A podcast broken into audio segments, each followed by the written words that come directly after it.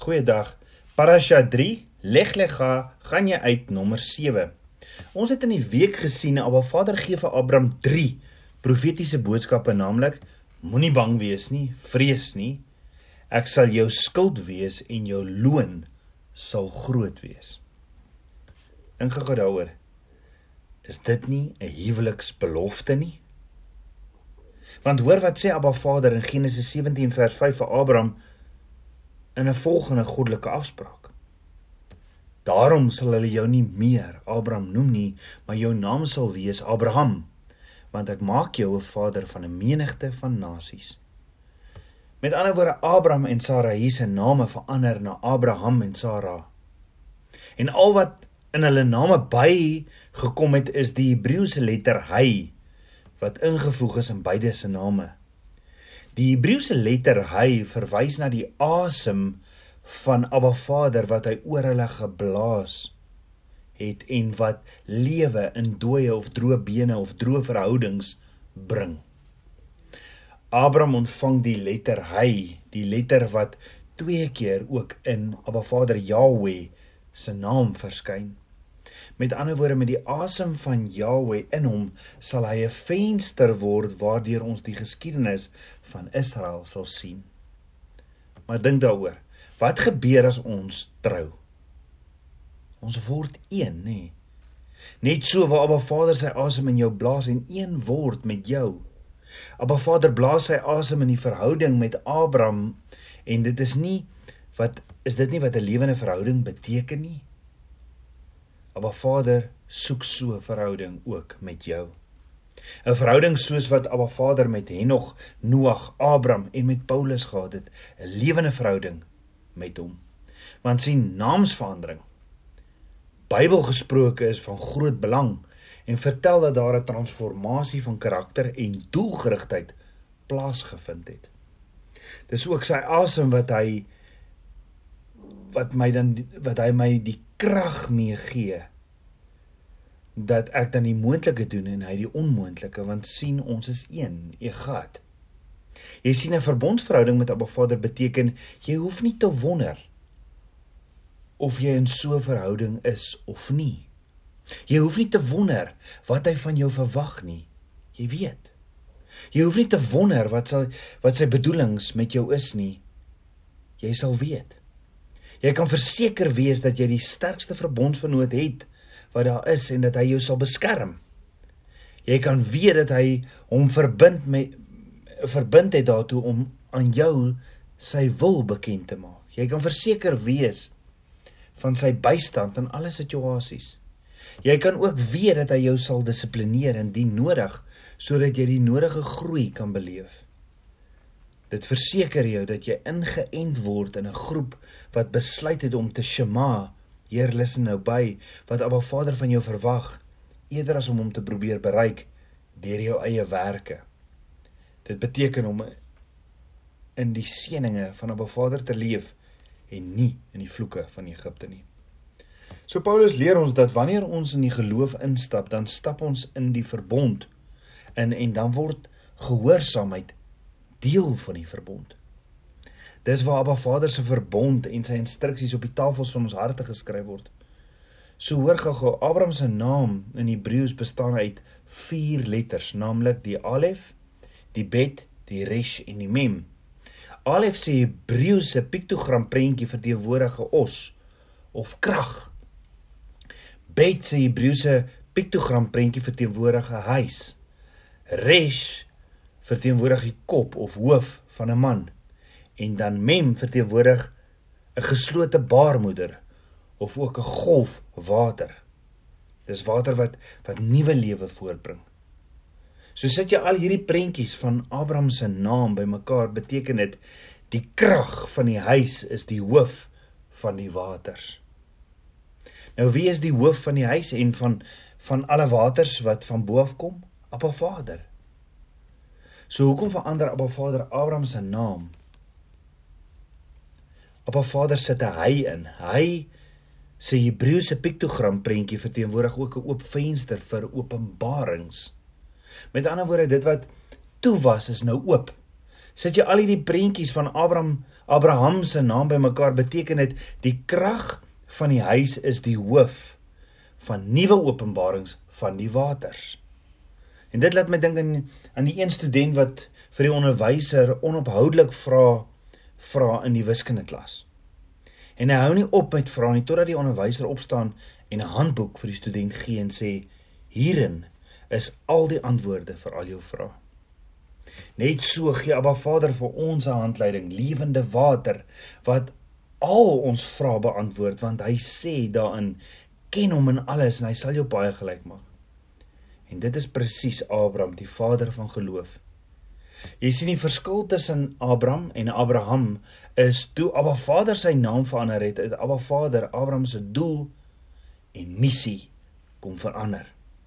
Abraham het verander van 'n boek wat toe is met al die antwoorde in na 'n boek wat oop is wat jy verstaan en wat openbarings in het vir jou en hoor gehou dis hier waar jou betekenis jou doel te voorskyn kom die doel hoekom jy op aarde is te voorskyn kom met ander woorde Abba Vader het het doel en betekenis in Abraham se lewe ingebring maar die vraag is hoekom het Abba Vader dit nie vroeër in Abraham se lewe gedoen nie Hoekom wag Abba Vader tot nou toe?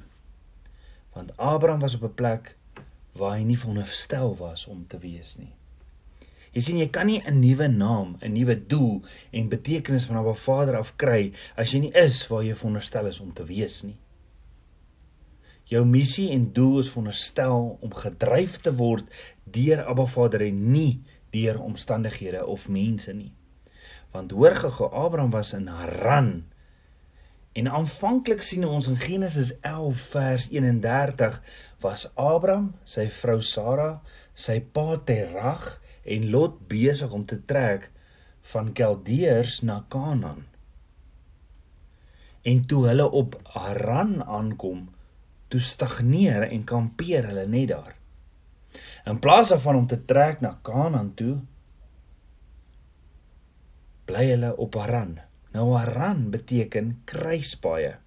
En meeste van die kere as jy by so 'n kruispad in jou lewe is, is daar nie gewoonlik duidelike rigtingaanwysers en padaanwysers nie.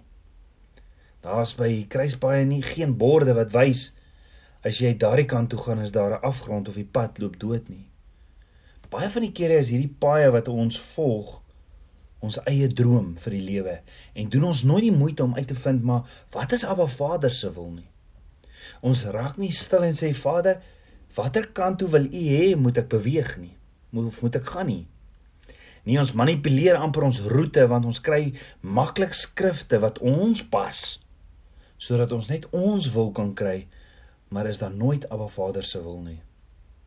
Dan as jy eers op hierdie verkeerde roete gaan wat jy so desperaat wou vat, is dit baie moeilik om terug te draai want wat gaan die mense nou sê? As jy by hierdie kruispunt in jou lewe kom, sou dit nie net so maklik gewees het as daar 'n padkaart was wat vir jou presies wys wat jy moet doen nie. Jy sien maak nie saak wie jy is nie. Ergens lê 'n kruispunt vir jou in wag. Die vraag is, staan jy tans dalk by so 'n kruispunt by jou werk? Staan jy tans dalk by so 'n kruispunt in jou huwelik? Staan jy dalk tans by 'n kruispunt?